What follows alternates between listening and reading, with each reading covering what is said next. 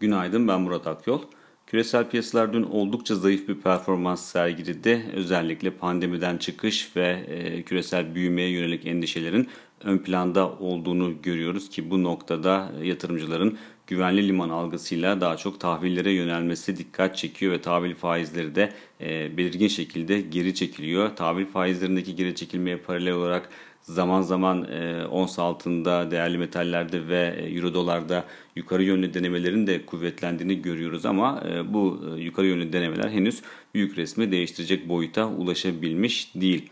Ee, özellikle koronavirüs vaka sayılarının delta varyantı nedeniyle e, yeniden artış göstermeye başlaması e, piyasaları rahatsız ediyor gibi görünüyor ki Japonya'da e, yaklaşan olimpiyatlar öncesinde Tokyo'da acil durum ilan edilmesi bu anlamda negatif haber olarak e, dikkat çeken konu başlıklarından biriydi.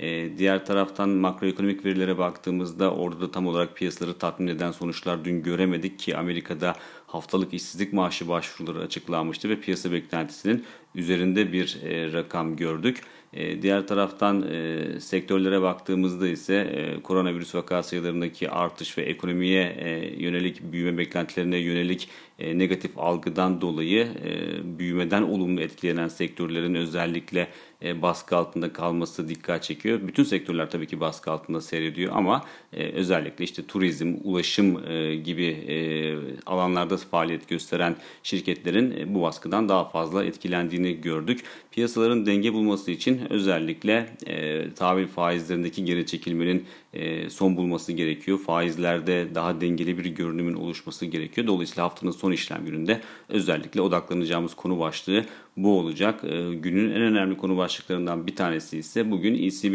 e, tutanakları açıklanacak. Onu takip edeceğiz. Ama geriye dönüp baktığımızda tarihsel olarak ECB tutanaklarından çok yeni bir bilgi çıkmıyor. Piyasa etkisi bu anlamda FED tutanaklarına kıyasla çok daha limitli kalıyor. Dolayısıyla bugün de çok farklı bir tablo ortaya çıkmasını beklemiyoruz. Bir sonraki podcast'te görüşmek üzere.